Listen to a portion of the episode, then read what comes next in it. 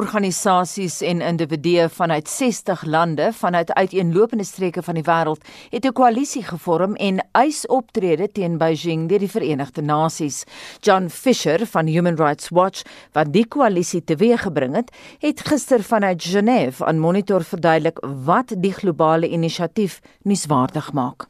What's unique about this is it's the first time that organizations have joined together from around the world and from regions around the world to condemn China's human rights abuses and call for an end to impunity at the United Nations.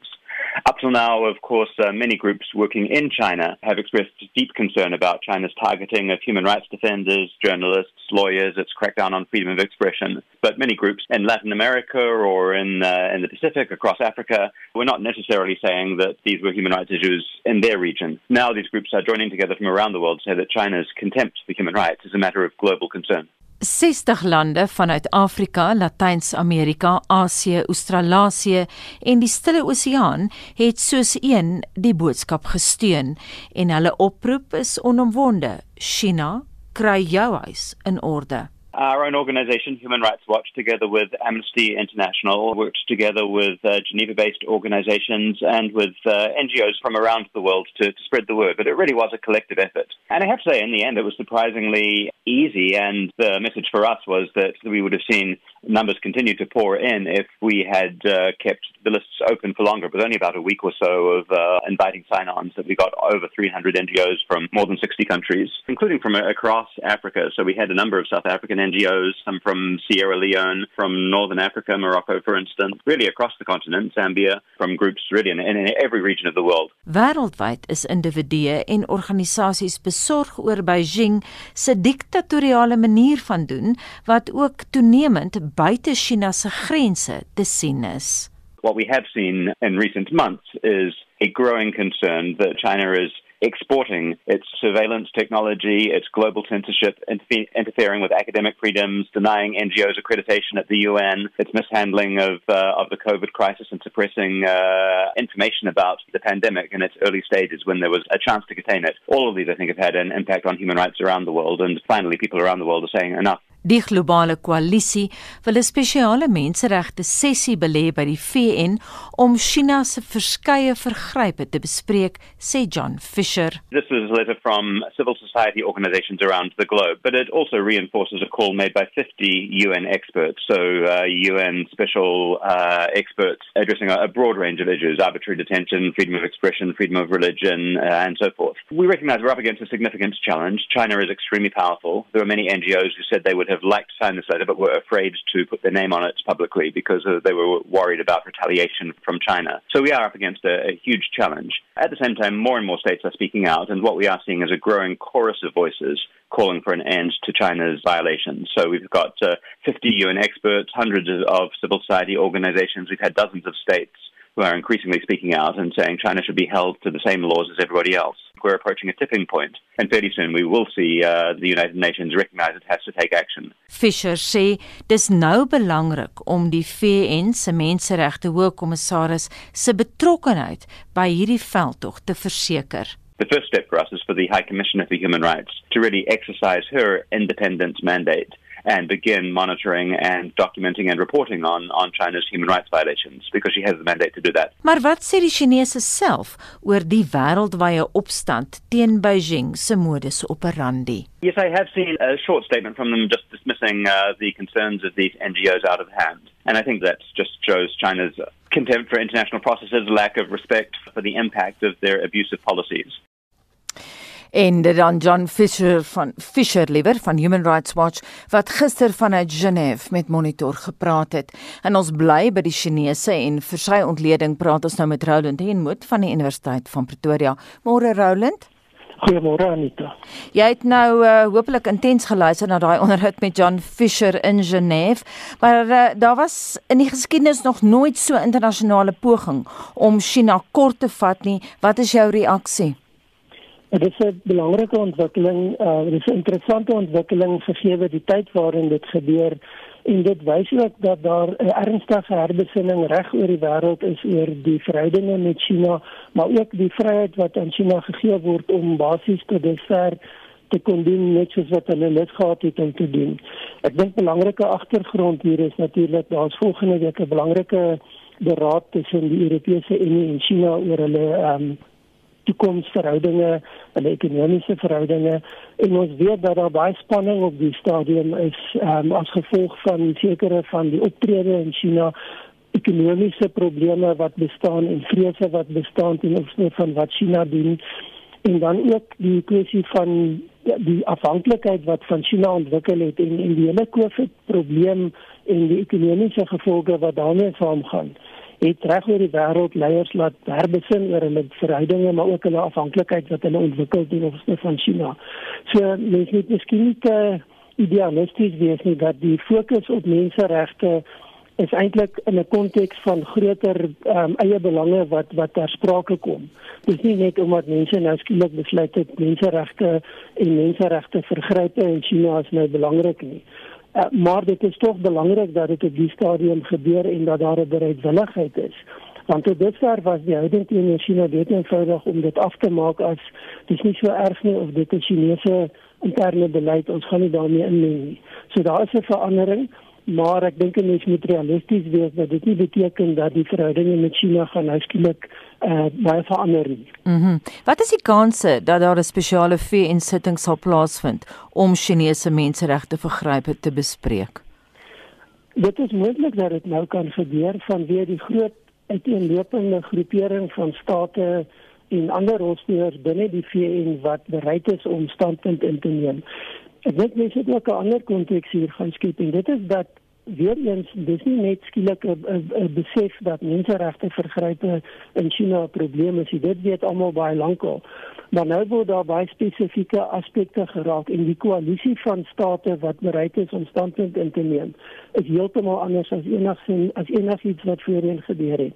Ehm um, die moslim lande wanneer waar moslim die die sterkste dominante godsdienst is is baie ontevrede oor wat China met sy interne moslim um, gemeenskap doen in die weste van China die die konsentrasiekampe en die sogenaamde heropleiding van hierdie mense. Mm. In Afrika is daar 'n nuwe sensitiwiteit oor rasisme en die Chinese blaatante rasisme teenoor mense uit Afrika en en China het dit probeer wegpraat en regerings het gesê hulle aanvaar die verskoning maar dit is iets wat in Afrika baie baie sensitief is dit gaan nie net verdwyn nie so so daar's 'n nuwe dinamika besig om uit te speel ook die feit dat China baie meer aggressief optree verander die gesindheid en en nie net aggressief optree in China nie maar reg oor die wêreld so dis moontlik dat China 'n bietjie om misreken misreken het die afgelope jaar in terme van wat hy kan doen, waarmee hulle kan wegkom en hoe die res van die wêreld daarop gaan reageer.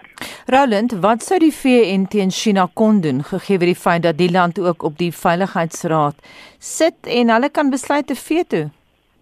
Waarskynlik sal hierdie saak nie in die veiligheidsraad ter sprake kom nie. Ehm um, daar's geen kans dat dit iewers sal kom nie. Indien dit 'n algemene vergadering bespreking punt word of dalk in een van die ander ehm um, platforms in die VN gaan dit aandag kry, dit gaan waarskynlik redelik ondersteuning kry, maar dit gaan soos ons in die verlede al gesien het dalk lei tot 'n resolusie indien dit baie suksesvol is, maar daar gaan nie noodwendig veel gebeur nie. En ek dink dit is die kernpunt is dat China is belangrik, China is een van die permanente lede en China het 'n veto reg en dan onderliggend die aan solank as die FSA en Rusland in konflik met mekaar verkeer en en weier om werklik saam te werk op internasionale vlak. Gaan daar in elk geval niks gebeur nie. Maar dit beteken nie dit is 'n sinnelose oefening nie. Die feit dat daar so gepraat word en opgetree word is simbolies baie belangrik. En een ding wat ons al geleer het van die Chinese regering is dat hulle geweldig sensitief is vir swak publisiteit vir te veel aandag op hulle interne politiek en veral as dit hierdie negatiewe patrone is wat begin herhaal en dan in samehang met die ander faktore wat in die wêreld begin uitspeel dan is die Chinese sensitief. Hulle raak bekommerd. So dit ek dink nie dit is iets wat 'n mens kan afmaak as dis niks nie. Mm. maar maar dit gaan nie lei tot onmiddellike kragtadige optrede nie wat waarskynlik in elk geval nie iemand se belange gaan dien nie Kom ons kyk nou iets heel anders. Chinese SU-30 vegvliegtuie het gister vir die tweede dag oor Taiwan gevlieg wat die spanning in die Taiwanese seestraat aansienlik verhoog het, ook gegee word die feit dat Amerika die verkoop van 200 vegvliegtuie, dis interwaarde van 8 miljoen dollar aan Taiwan goedgekeur het. Ja, dit is 'n belangrike deel van die ehm um, Indiese streek, die Indo-Pasifiese streek en en noem dit maar die geopolitiese konteks wat besig is om te verander.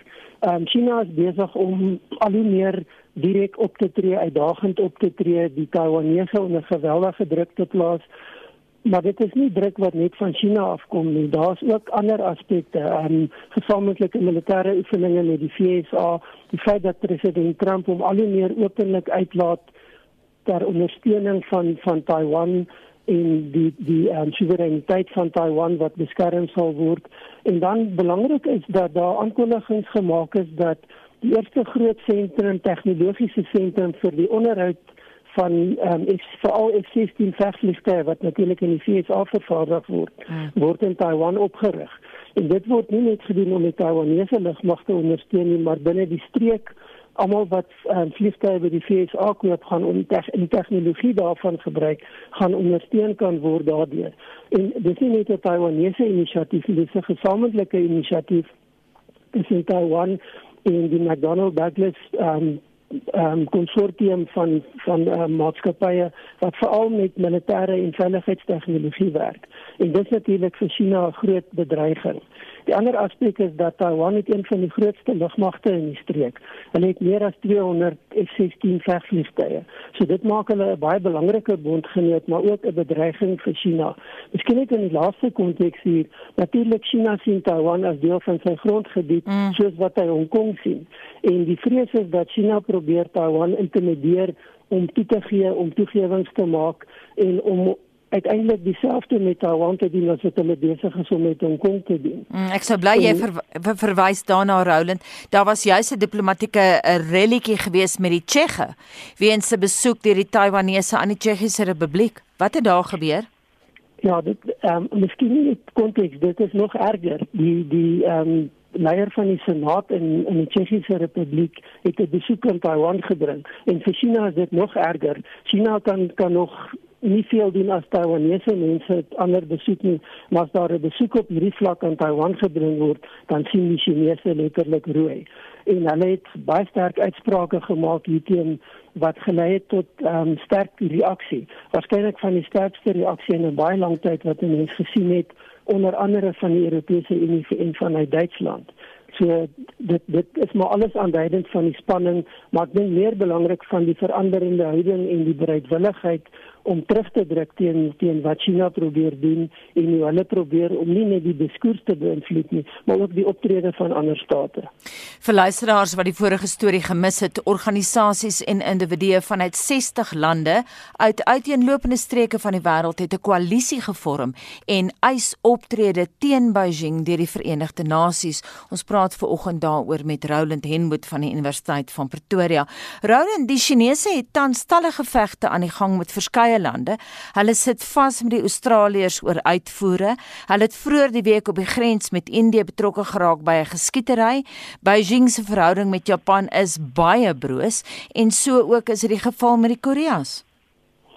Ja, daar's daar's 'n interessante ontwikkeling in in in die um, onmiddellike um, geografiese omgewing van China.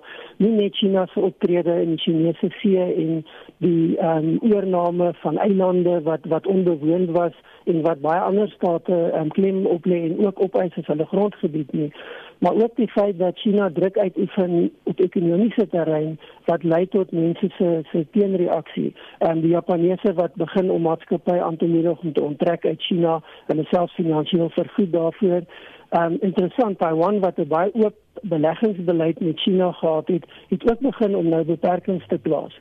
En een van die kritiese elemente is die Chinese misbruik van toegang en die eensydige toegang. Hulle hulle gee toegang op hulle voorwaardes, maar niemand anders kry dieselfde toegang nie. En dan die feit dat in 'n baie sensitiewe saak die feit dat ehm um, intellektuele eiendom nie gerespekteer word nie. Met ander woorde die oorname of die die staal van tegnologiese kennis en kundigheid. En en dit skep probleme. Dit dit sien ons nou ook dat in saam met ekonomiese kompetisie dat al hoe meer van Chinese se tradisionele bondgenote eintlik bietjie die rug begin styf maak. Onder andere Vietnam wat begin sê maar wat China doen is onaanvaarbaar. Mm. So dit skep 'n bietjie spanning in die streek, maar dit skep ook 'n ander benadering en, en, en interessant, dit het gelei tot 'n heroriëntering van byvoorbeeld Duitsland se buitelandse beleid weg van 'n primêre fokus op China na 'n primêre fokus op demokratiese state in die Suidoos-Asiatiese gebied. So die amptelike Duitse beleid nou is om meer saam te werk met Japan, met Suid-Korea, met Australië eerder as om net met China verhoudinge te bou soos wat hulle die afgelope dekades gedoen het. Mhm. Mm dit was nie 'n goeie week vir Beijing se verhouding met Berlyn nie. Nee, dit was nie. Ehm um, behalwe vir die feit dat hulle voorberei vir belangrike samesprekings volgende week, het China ehm um, twee baie hooggeplaaste amptenare na Europa gestuur en na Duitsland spesifiek om te probeer om voorbereiding te doen en hierdie opbelling van van wat hulle sien as 'n anti-Chinese sentiment te probeer teenwerk en dit het eintlik so 'n bietjie in hulle gesig teruggeplof want um, die reaksie van die Duitse buitelandse sake minister Heiko Maas was om vir die Chinese te sê uh, op om ons te dreig en op om Europa te dreig hmm. en dit na aanleiding van kommentare oor die Tsjechiese besoek aan Taiwan maar ook van die ander aspekte wat ons na verwys het en in Duitsland baie duidelik het 'n punt bereik waar die die benadering van ehm um, toenadering en en gewilligheid om met China saam te werk amper ten alle koste het baie duidelik tot 'n einde gekom. Ehm um, dit is duidelik dat Angela Merkel nie meer gaan die ou beleid volg nie. Hulle gaan definitief ook anders op China reageer. Baie interessant dat jy sê die Duitsers sê nou vir die Chinese hou op om ons te dreig. Baie organisasies is versigtig vir China. John Fisher het in die vorige onderhoud gesê van hy organisasies is bang vir wraak deur Beijing. Hoe lank kan China nog met sy boelie gedrag wegkom? Dit gaan afhang van wat China wil doen. Die die boelie gedrag is 'n relatief nuwe fase in die Chinese buitelandse beleid. Um hulle sogenaamde wolf diplomacy wat na verwys word, waar hulle baie vinnig en baie aggressief reageer op enige negatiewe of wat hulle as negatiewe reaksies of kommentaar sien. Dit is waarskynlik dat hulle kan besluit om aan te hou daarmee, maar die koste raak al hoër. So op die langer termyn afhangende van wat Xi Jinping probeer doen en bereik en en hoe seker hy voel van homself as die um, heerser in China kan hulle waarskynlik wegbeweeg en terugval op die geuite Chinese manier van 'n baie meer lae profiel uh, amper rustiger benadering. So mens sal moet sien of hierdie nuwe meer amper aggressiewe styl op dit volge volgehou gaan word synde daar nou 'n daadwerklike teenreaksie kom. Dis nie net een of twee state nie. Dis nou reg deur die wêreld waar dit begin. En waarskynlik sal dit die Chinese dwing om te herbesin te kyk of hulle dalk op 'n ander manier moet optree. Ek wil nou juis vir jou vra of uh, hierdie koalisie stukrag gaan kry. Indien die omgewing lyk soos dit nou lyk, is dit waarskynlik. Ek dink een van die probleme wat China mee sit is dat daar al hoe meer aan gewilligheid is om om 'n sterker standpunt in te neem en dit het ons al in die geskiedenis gesien. Die meer state bereid is om dit te doen, die meer gaan ander wat in die verlede gevoel het hulle hulle neem 'n risiko, meer gaan hulle ook daai optrede begin steun en self ook begin dalk toetree tot die proses. Dit natuurlik raak ook 'n ander manier om so 'n bietjie meer uit China uit te kry, druk op China te plaas. Hmm. En ek dink indien daar enige teken is dat die Chinese die druk nie absorbeer nie, maar bereid is om anders op te tree, gaan dit waarskynlik hierdie proses in die hand werk. Daar is natuurlik 'n risiko en dis een van die groot vrese in die omgewing van Taiwan. En dit is dat die druk op Xi Jinping so groot raak, want hy in soveel konflikte en party daarvan het 'n baie sterk militêre dimensie. As in soveel sulke konflikte of skermutselings betrokke dat die vrees is dat hy en die Chinese regering een of ander tyd 'n fout gaan maak en dat dit waarskynlik onbedoelde gevolge gaan hê soos 'n groter militêre konflik of 'n meer dreigende militêre konflik as wat ons tot dusver gesien het. En dan net laasens Roland terug by die globale inisiatief teen Beijing het na daai onderhoud geluister met John Fisher wat ek gister gevoer het. Hy sit in Genève. Hy het verwys in die onderhoud na 'n tipping point wat bereik is. Dink jy ons het die Rubicon wat China betref oorgesteek? waarskynlik ten minste die begin van 'n van 'n volledig of van van 'n ehm um, redelike groot herskikking en herbesinning ten opsigte van betrekkinge met China. En wat dit belangrik maak is dit gaan nie meer net oor sekere state se ekonomiese belange nie. Daar's 'n baie groter konteks wat nou ontwikkel en 'n baie meer diverse groep van state wat bereid is om so op te tree. So ek dink die toets gaan wees wat is China se reaksie op die kort tot medium termyn. Maar dit is waarskynlik dat hierdie nie net 'n uh, eensydige korttermyn ding is nie, maar meer 'n langer termyn herbesinning ten opsigte van betrekkinge met China gaan inlei. Baie dankie en daai konteks oor China kom dan van Roland Henwood van die Universiteit van Pretoria. Heinrich, hoe lyk daai terugvoer by jou? En dit het mense begin nou saam te gesels. Ja, so ons wil vanoggend weet of mense sien dit dat dit nou toerisme maand is al sedert binnelandse reise weer toegelaat word op 'n ander dorp of by 'n toerisme aantreklikheid dat ry gaan maak het en ook wat hulle dink van die plan om moontlik elektroniese stemmery in die toekoms toe te laat. Nou Stefanie Loots skryf op Facebook sy werk in die toerismebedryf in die wildlewe akkommodasie uh, sektor en uh, hulle is gelukkig sê sy om produkte te hê wat binnelandse toeriste se sakke pas en dat hulle al vir 3 maande vooruit bespreek is. Maar die grendeltyd het natuurlik 'n gat gelos en nie alle hulle personeel kon al terugkeer werk toe nie weens die geldprobleem. Daar is nou twee keer soveel skoonmaakwerk as gevolg van die COVID um, regulasies maar die, die meeste gaste verstaan dit blykbaar maar ander het geen empatie of simpatie nie. En dan Rensha Maslow Marsdorp sê hoe sal ek nou enigsins toerisme in my gedagtes hê as ek skaars kos op die tafel kan sit? En dit is natuurlik die situasie ongelukkig waar uh, wat baie mense ervaar. 'n SMS van iemand wat homself boer van Hoedspruit noem. Ek het saam met my gesin en vriend gaan blomme kyk en ongeveer 4500 km in binne 7 dae afgelê. En dan hmm. oor elektroniese stemmery Anita Imker Hoogenout sê dit is die rigting om te gaan. Jy kan maar kyk in Indië met sy 900 miljoen stemgeregtigdes, is daar 1 miljoen stemlokale waar elektronies gestem word, maar dan weet ons van die moeilikheid hier by ons met die uitbetaling van SASSA toelaas en werkloosheidversekeringstoelaas en hoe ons eie rekenaarstelsels ons dan nou in die moeilikheid bring telkens maar ons SMS nommer vir die luisteraars wat nog wil saamgesels 45889 en dan weet jy jy kan ook op Facebook kommentaar lewer by ZARSG.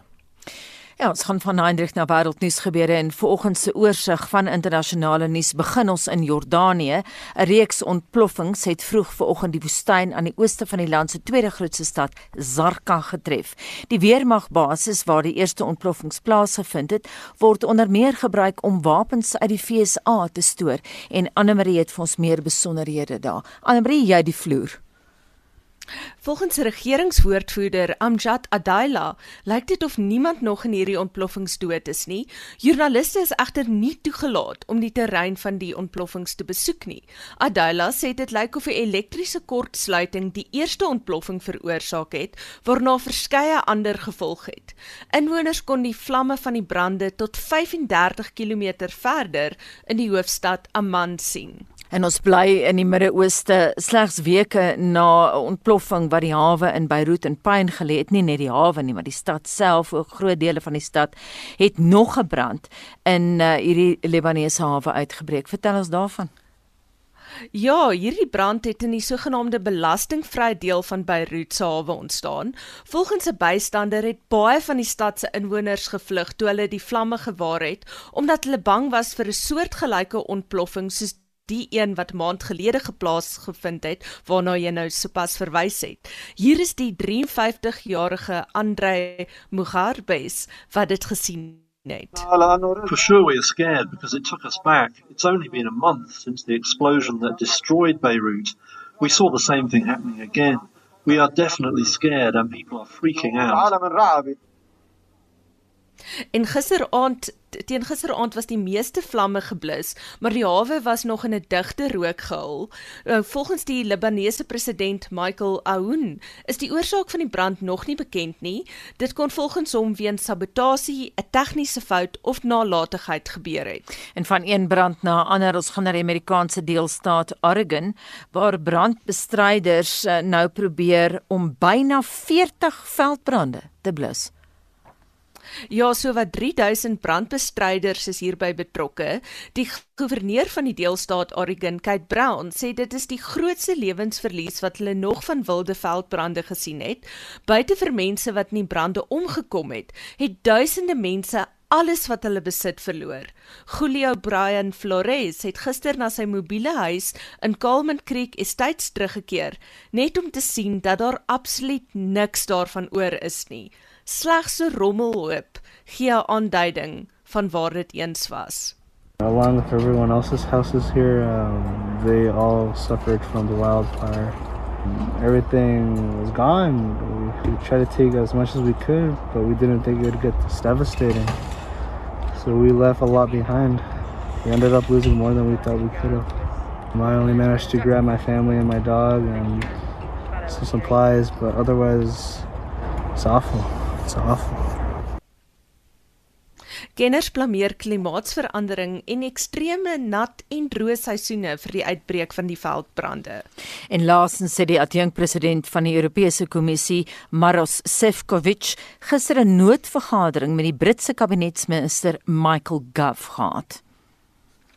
Nou Sefcovic was baie vaag toe hy joernaliste toegespreek het en wou nie kommentaar lewer of die EU vertroue in die Britse regering verloor het nie.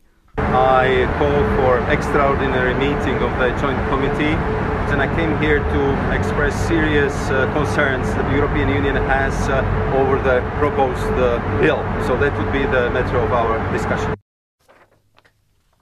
Nou ja, dit uh, dan uh, nuus daar van Anne Marie Jansen van Vuren wat vir ons internasionale nuusgebeure saamgestel het. Dit bring ons by 7:38 en van internasionale nuusgebeure gaan ons na sportnuus en die sportspyskaart vir die naweek is bepaal ons praat daaroor met Pieter van der Berg. Môre Pieter. Goeiemôre Anita. Vroeger die week moes verskeie gekeerde spelers hulle tasse by die Amerikaanse Ope tennis toernooi pak. Watter spelers is oor? Ja, in die mans enkelspel is daar nou net vier spelers oor. Dit is uh, wat in met ander woorde in die halffinale betrokke gaan wees. Die tweede gekeerde Dominic Thiem, hy sal teen die derde gekeerde Daniel Medvedev speel en dan die vyfde gekeerde Alexander Zverev. Hy kom te staan teen die 20ste gekeerde Pablo Carreño Busta. En in die vroue enkelspel is die halffinale reeds gisterand se Amerikaanse tyd voltooi. Nou daar is dit Naomi Osaka van Japan wat in drie stelle met Jennifer Brady afgereken het en Osaka sal dan in die eindstryd teen Victoria Azarenka speel van Belarus. Sy het in drie stelle afgereken met Serena Williams.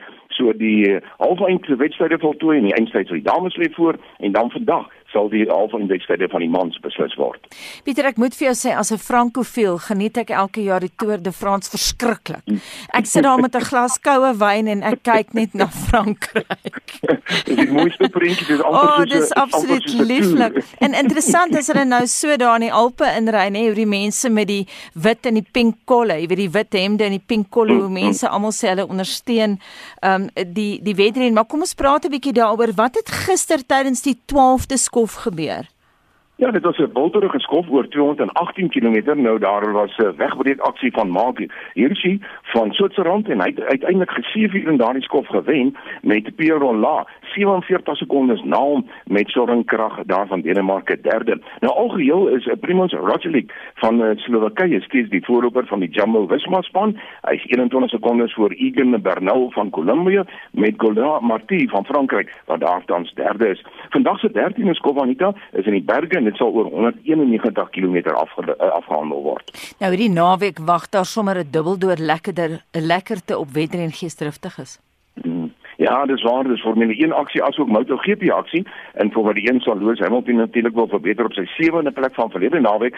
Die Toskaanse Grand Prix sal Sondag gejaag word daar in Mugello in Italië en die wegtrek is Sondagmiddag om 10:03. Pierre Gasly en sy Alfa Tauri sal sekerlik ook alles in die stryd werp om weer te probeer seëvier soos verlede Sondag. Op die punte leer Hamilton voor, Bottas in die tweede plek met Max Verstappen derde, 'n groot punte verskil daar met Hamilton wat gemaklik voor is. En dan in MotoGP, eh, sien ek op die skedule dat die motorfietsrenjaer die naweek by San Marino saamgetrek is daar in Italië en die hoofwedren sal Sondag om 2uur begin. Alle oë is op die Suid-Afrikaner Brad Binder wat tans vierde op die punte lewer is Anita en hy is daar op 49 punte met die voorloper Fabio Quartararo op sy Yamaha op 70 punte. Andrea Dovizioso op sy Ducati is op 67 en Jack Miller derde met 56.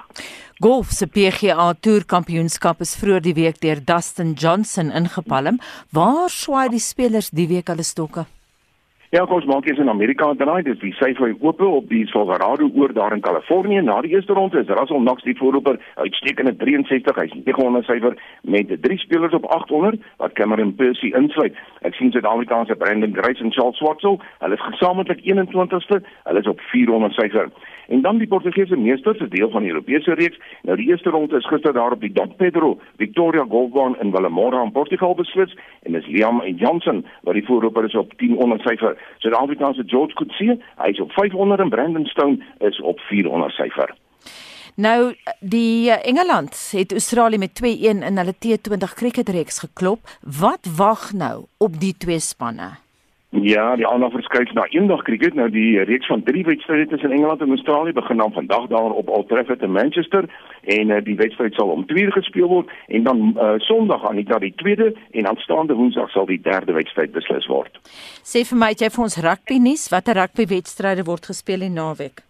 Ja, in Australië is dit die Super Rugby reeks se een halfeind wat môre gespeel word. Dit is uh, die Reds teen die Rebels om kwart oor 11. Die wenners sal natuurlik teen die Brumbies in die eindstryd speel aanstaande naweek en dan in die Europese Pro, Pro 14 is dit Leinster en Ulster wat mekaar die stryd aan sien. Dis in uh, die finaal, die eindstryd en dit word môre aan om 25 minute voor 9 gespeel. Maar baie belangrik vir Suid-Afrika is die nuus wat vanoggend gebreek het.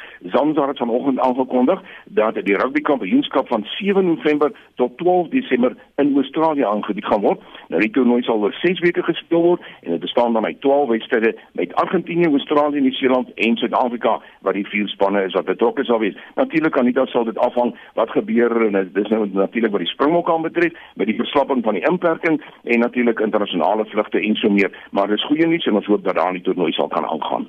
En net laasens die afgelope week of wat het verskeie nasionale spanne in UEFA se Nasiesbeker te mekaar gespeel, is dit steeds die fokus.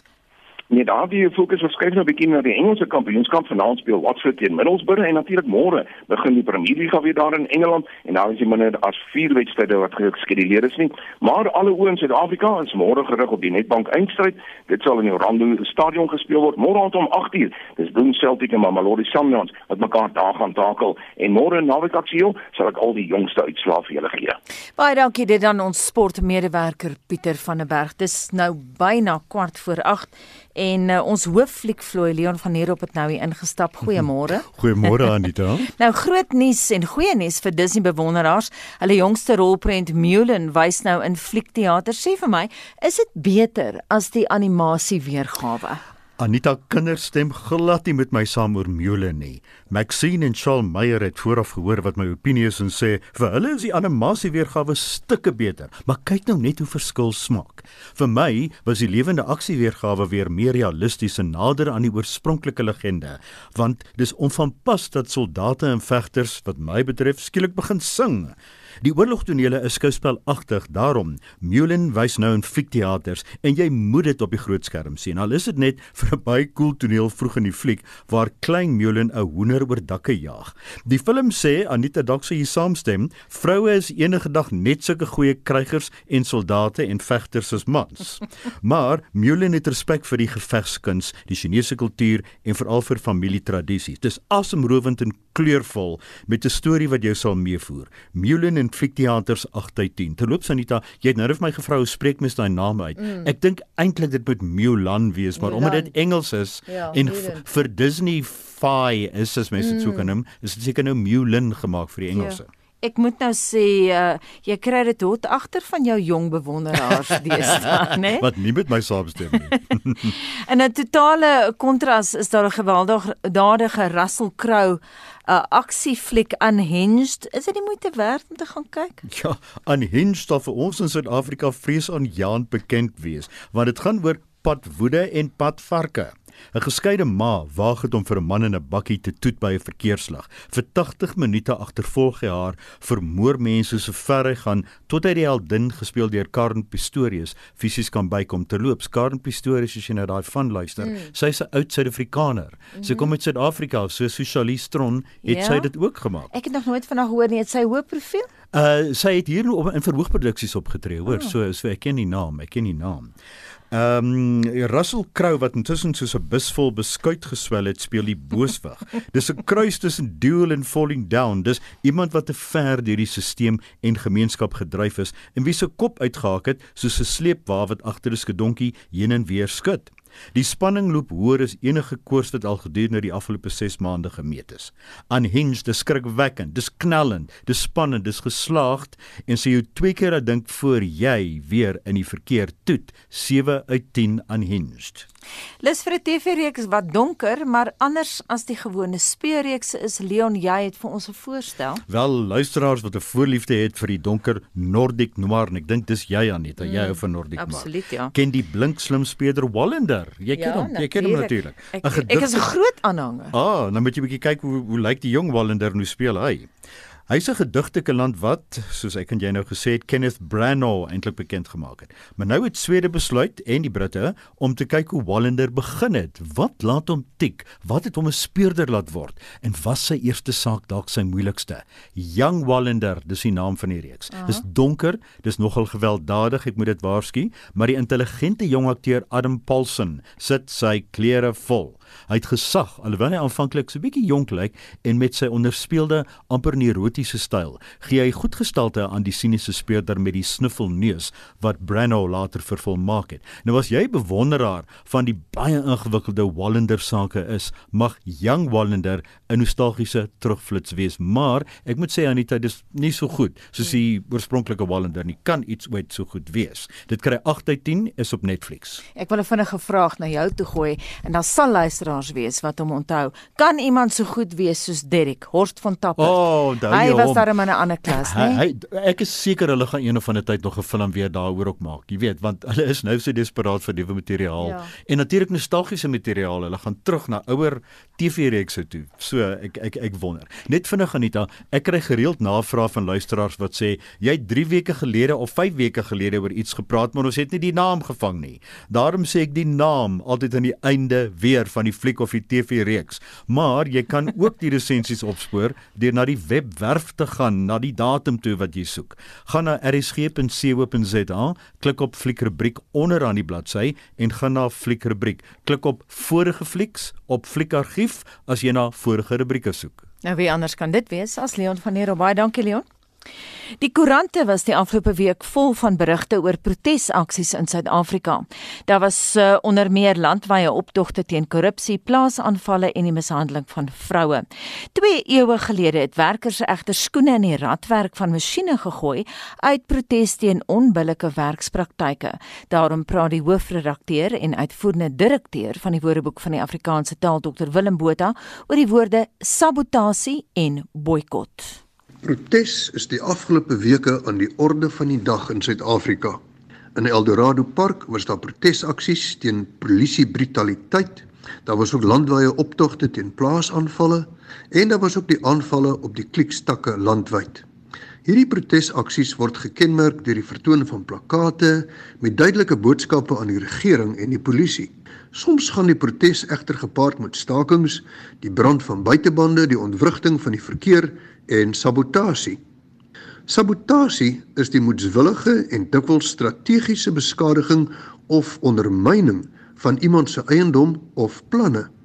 Die woord sabotasie kom uit die Frans sabotage en dit oorspronklik die maak van klompe of houtskoene beteken.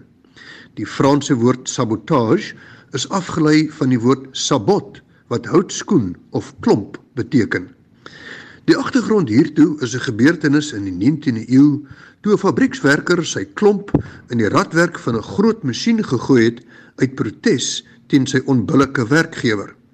Die masjien het gestop en die werker het geweier om sy skoen daar uit te haal voordat sy eise toegestaan is. Die klein boetie van sabotasie is boikot. Om iemand of iets te boikot beteken of die persoon of die instansie uit die handelsverkeer uit te sluit. Daar word eenvoudig nie verder met die land, die stad of die persoon handel gedryf nie.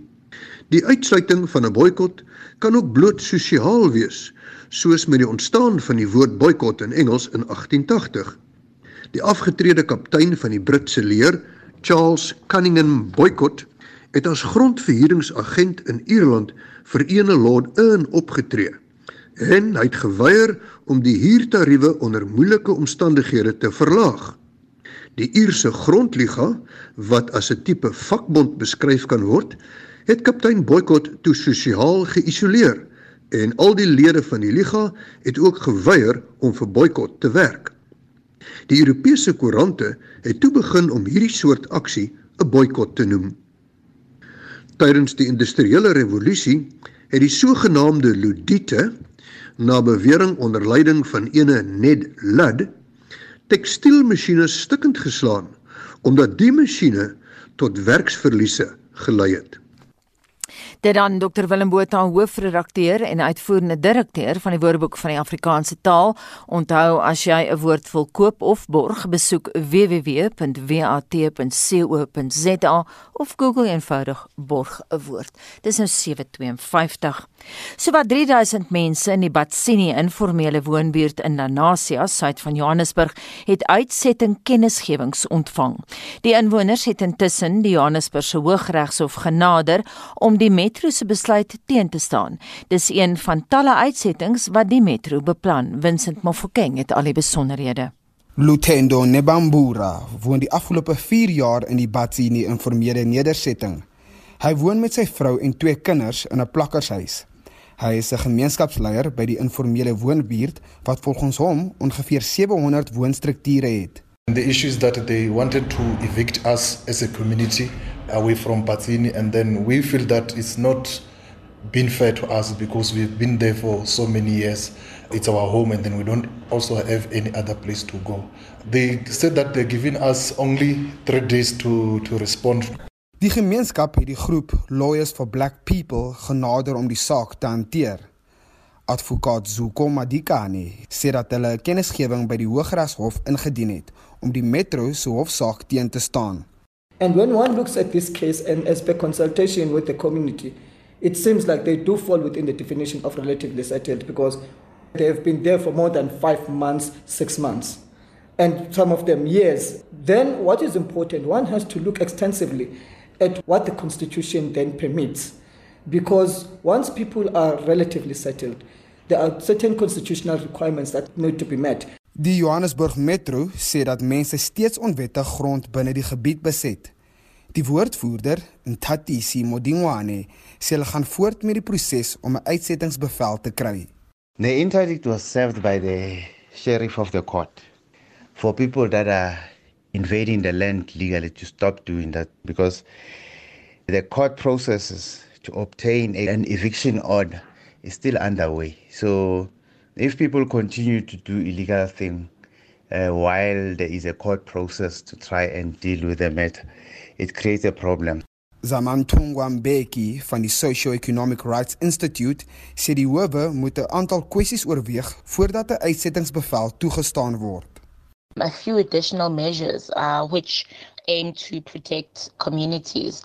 So, for instance, it's similar in that a court may grant an order for eviction, but that that order for an eviction has to be suspended or stayed. And then it lists under the current level two regulations different factors under level two about what the factors are that the courts have to consider. Intussen moet die Hooggeregshof nog 'n lang verwagte uitspraak lewer. Die inwoners van Kliprivier het die Metro Hof toe gesleep na 'n soortgelyke situasie soos by die Batsini informele woonbuurt. Die verslag van Angela Bolowana, Akas Vincent Mofokeng vir SAI Garnis. So op Facebook laat weet uh, Laurie Grywenstein ons het vanaf die Weskaap na Namakwaland in die Noord-Kaap gereis gedurende blomtyd. Blyplek is volop en beskikbaar sê hy, maar dis peperduur en hy kry die gevoel dat besighede nou wil opmaak vir hul verliese tydens Covid en dan 'n ander luisteraar wat ehm um, net FH genoem word hier, ehm um, sê my mandjie staan al weke reg vir my besoek aan die Kreer Wildtuin en dan oor die stemmery wat moontlik elektronies sal plaasvind. Ehm um, electronic voting will be a problem for a lot of people with disabilities sê een SMS en dan 'n ander dit sal wel help om 'n groener stelsel in plek te kry. Ja, van Hendrik gaan ons na Anne Marie. Anne Marie, hoe lyk Spectrum se dagboek? Nou as jy nuuskierig is oor regeringsinmenging by Eskom, kan jy gerus luister. Ons het die jongste van die Zondo-kommissie se getuienis hieroor. Die Toronto Rolprentfees het 'n omstrede besluit oor die dra van gesigsmaskers teruggetrek. Die plaaslike rosyntjie bedryf floreer en volgens Moody's het Suid-Afrika 'n krimpende belastingbasis. Vir dit en nog meer luister na vanmiddag se Spectrum met Marlenae Forsie in die regisseurstoel. En onthou ook naweek aktueel môre tussen 12 en 1 en weer monitor maandag. Ons groet namens ons waarnemende uitvoerende regisseur Wessel Pretorius. Die redakteur vir oggend was Jean Esterhuizen. Ons produksieregisseur was Daitron Godfrey en my naam is Anita Visser.